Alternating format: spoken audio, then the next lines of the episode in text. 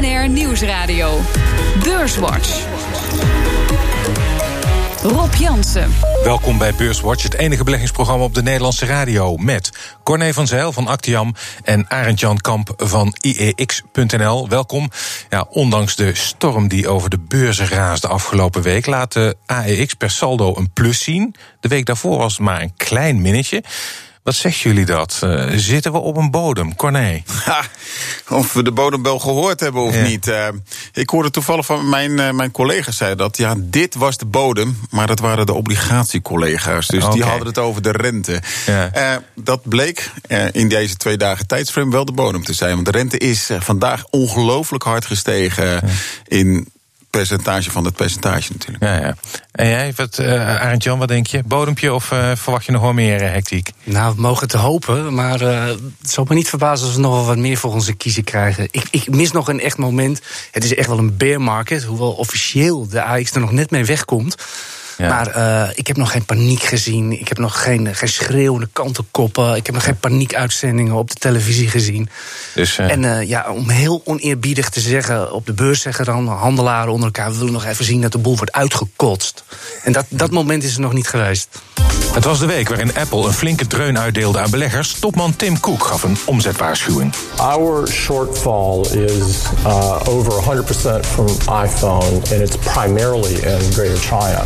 And so as we look at what's going on in China, it's clear that the economy began to slow there for the second half. And what I believe to be the case is the trade tensions between the United States and China put additional pressure on their economy. Los van de handelsoorlog gaat het niet goed met de Chinese consument. Michelle Caruso van CNBC legt uit wat erachter zit. There has been a tightening of consumer credit on purpose by the Chinese government. It's not that they thought of it that way.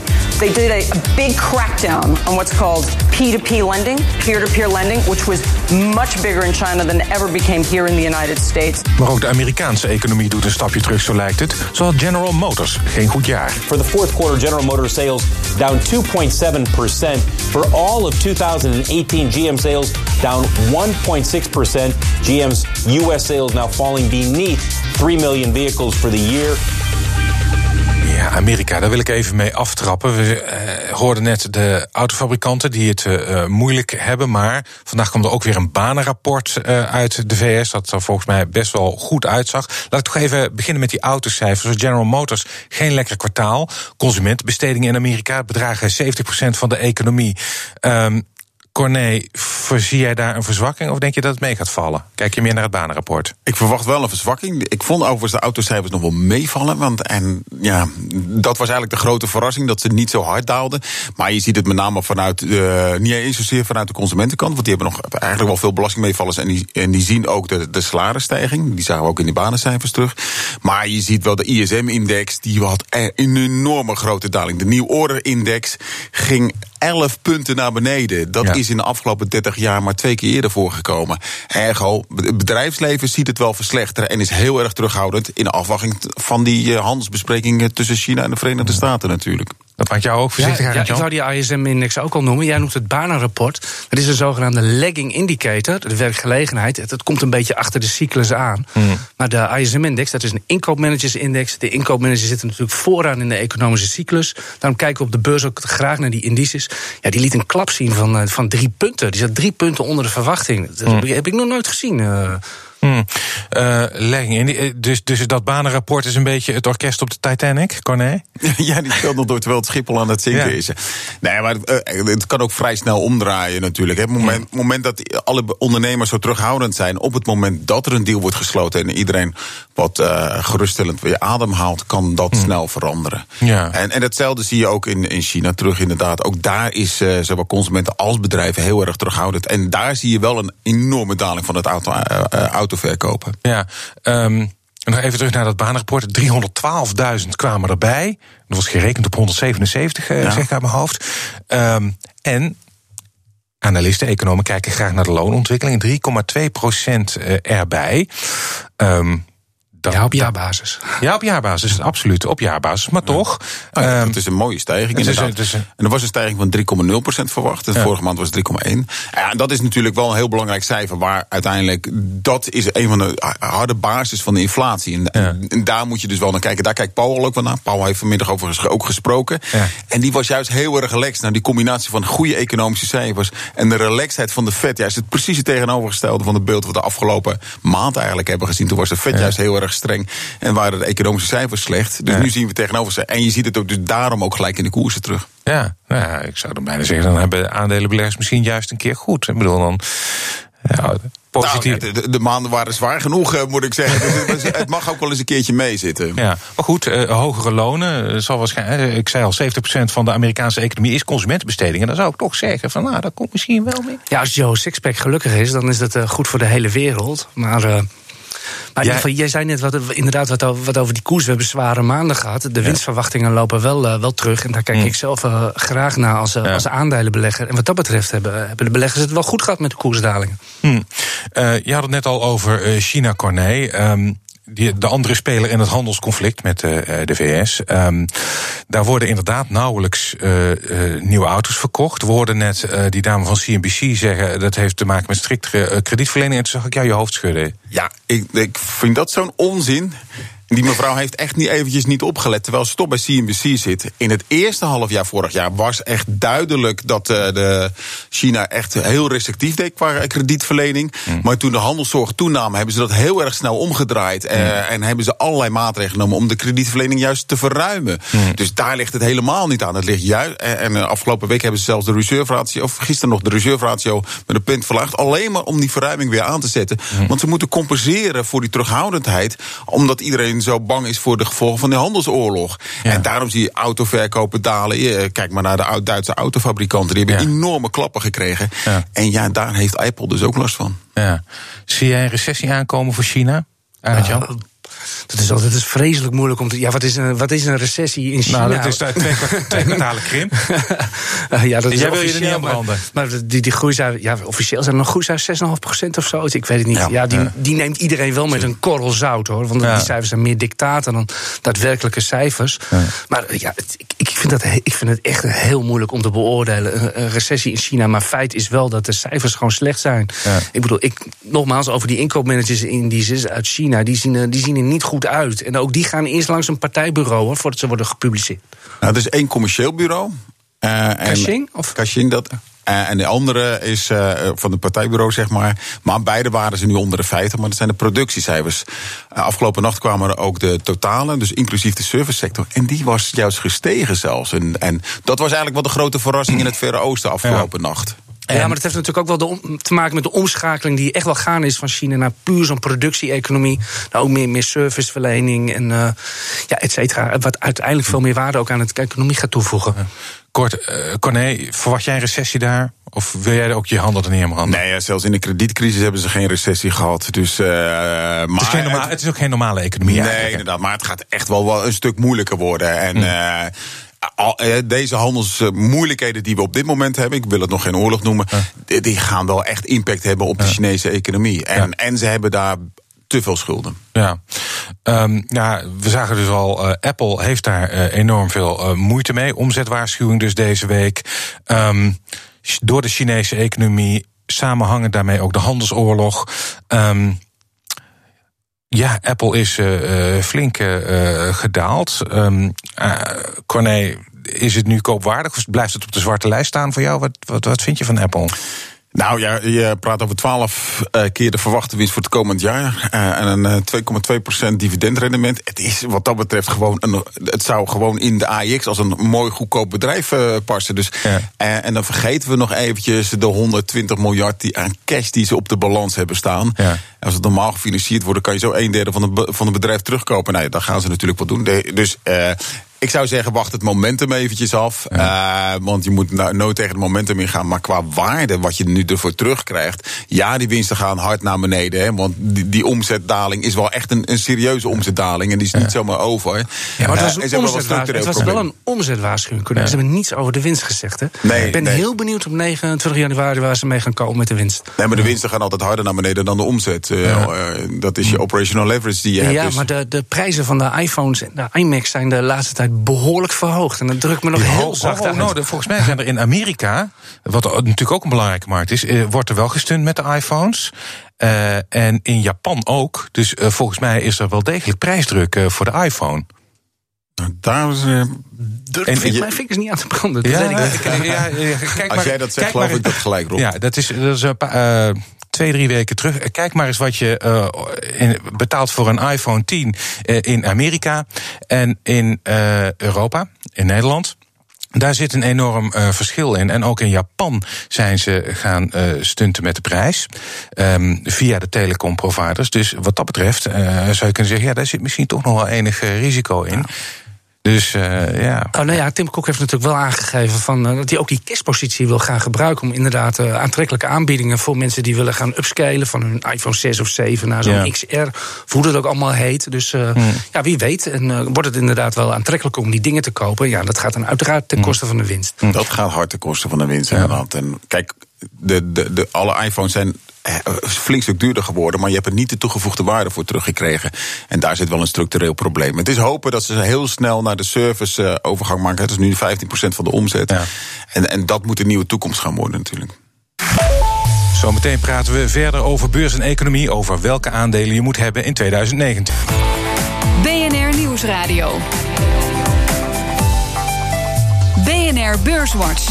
We bespreken de belangrijkste beursontwikkelingen van deze week. Dat doe ik met Corné van Zijl van Actiam en Arend Jan Kamp van IEX.nl. Maar eerst maken we de balans op van afgelopen week.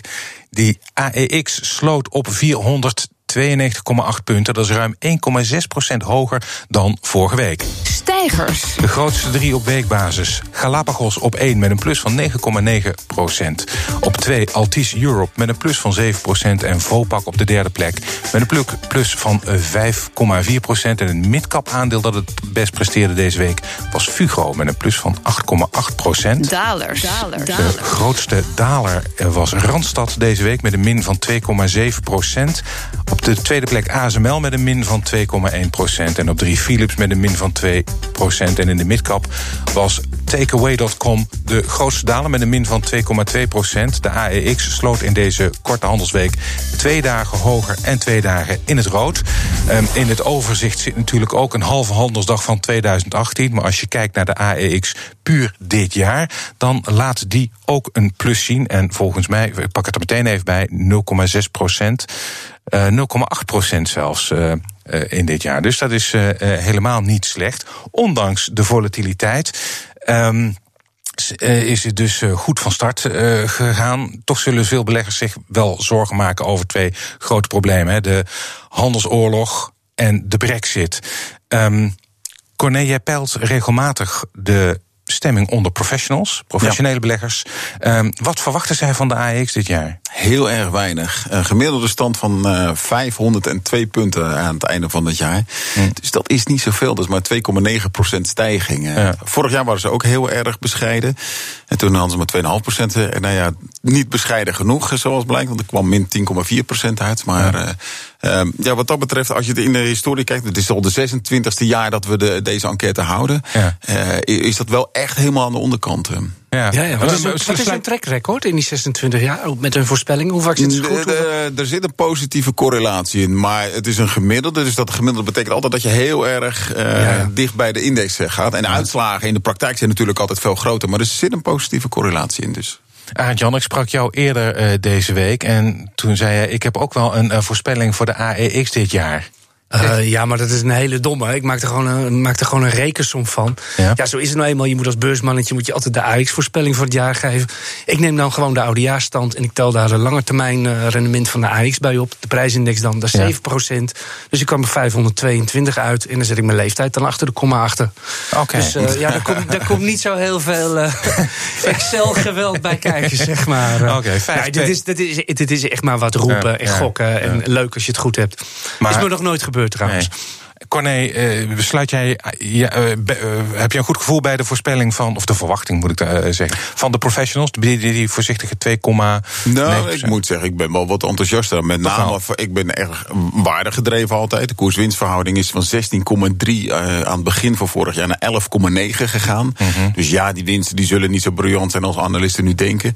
Maar de, de afwaardering die we van aandelen, aandelen hebben dus een koersdaling gezien, terwijl de winsten met 20% gestegen zijn. Ja, die enorm enorme afwaardering komen we niet vaak tegen. En meestal heb je na zo'n jaar toch wel een, een, een, mooi jaar. Dus daar ga ik wel vanuit. Ja, en jullie hebben ook een, een grafiekje zien vandaag van uh, de uitstroom uit uh, aandelenfondsen. Eigenlijk dus niet verstandig van beleggers. Ja, afgelopen zes weken, en dit zijn dan Amerikaanse beleggers, die hebben weer voor het een enorm bedrag, voor 80 miljard aan aandelen verkocht.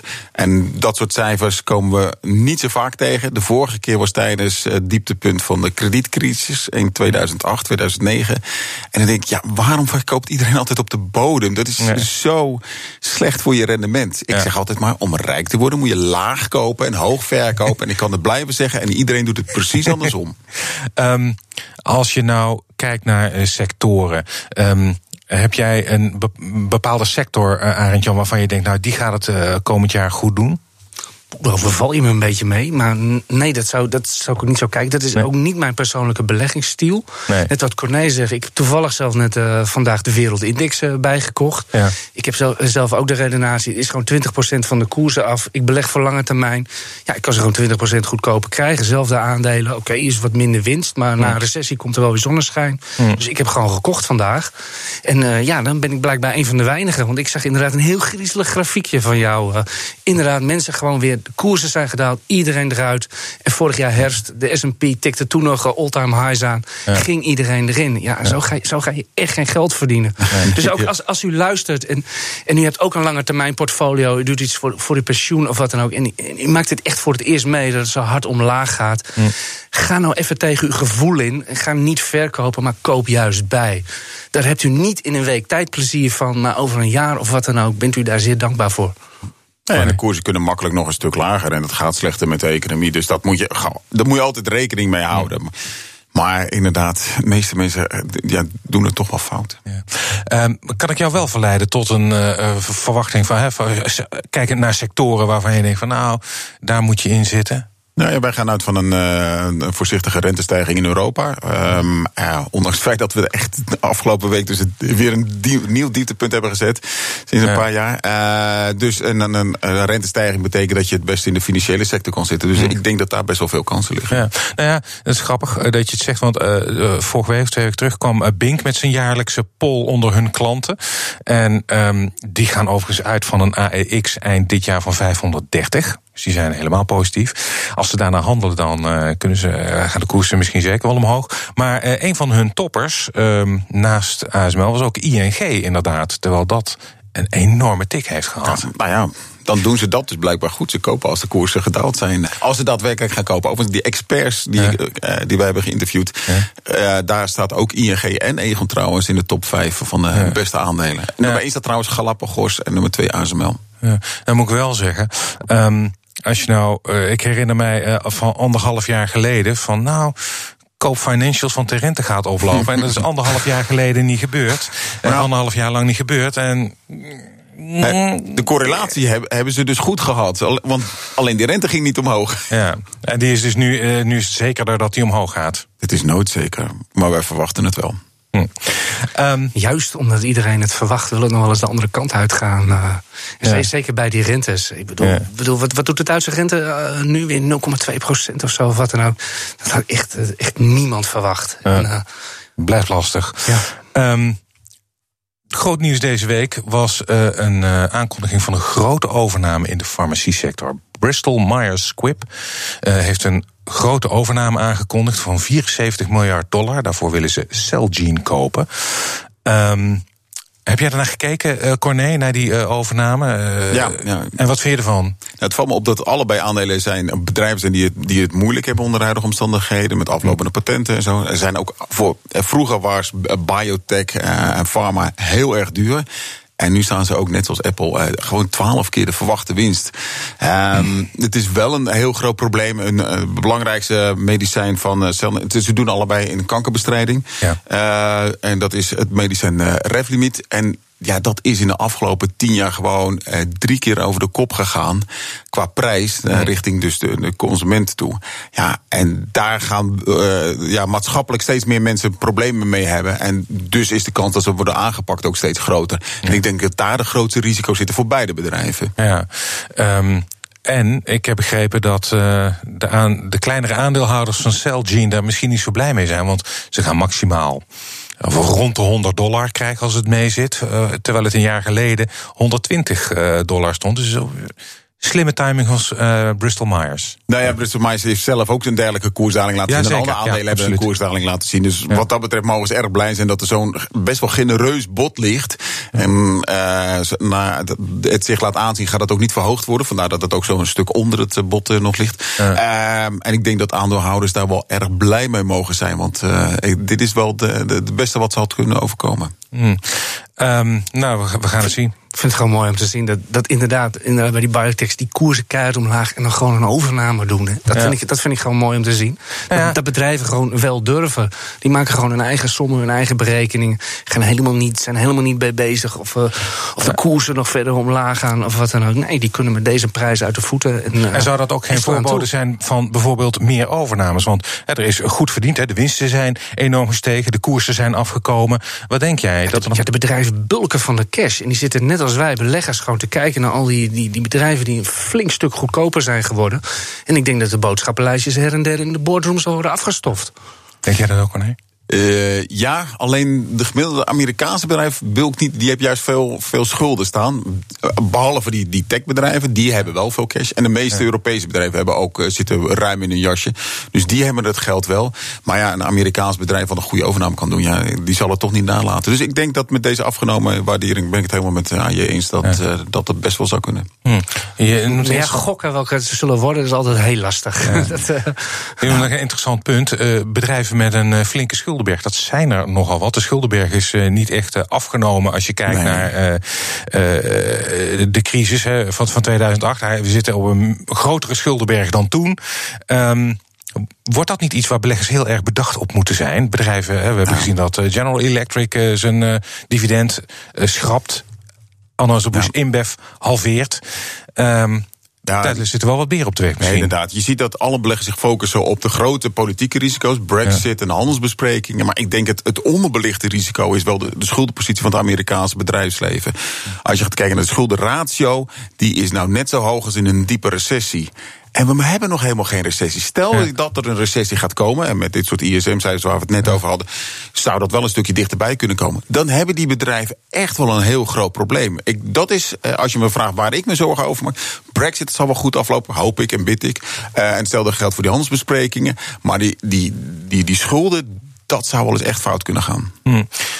Um, ja, we hebben hier natuurlijk in Amsterdam ook natuurlijk wel wat usual suspects. Uh, Altis is natuurlijk wel het ja. schoolvoorbeeld wat dat betreft. Uh, ja, dat wordt ook spannend. Daar, daar, daar, werd jaren geleden van gezegd... Van, ja, die hebben nog een uh, paar jaar de tijd om onderdelen te verkopen. Maar ik geloof dat het in 2020... 2022 moeten ze, moeten echt, ja. moeten echt ja, vele, vele miljarden gaan aflossen. En dat, dat, dat komt iedere keer een beetje dichterbij.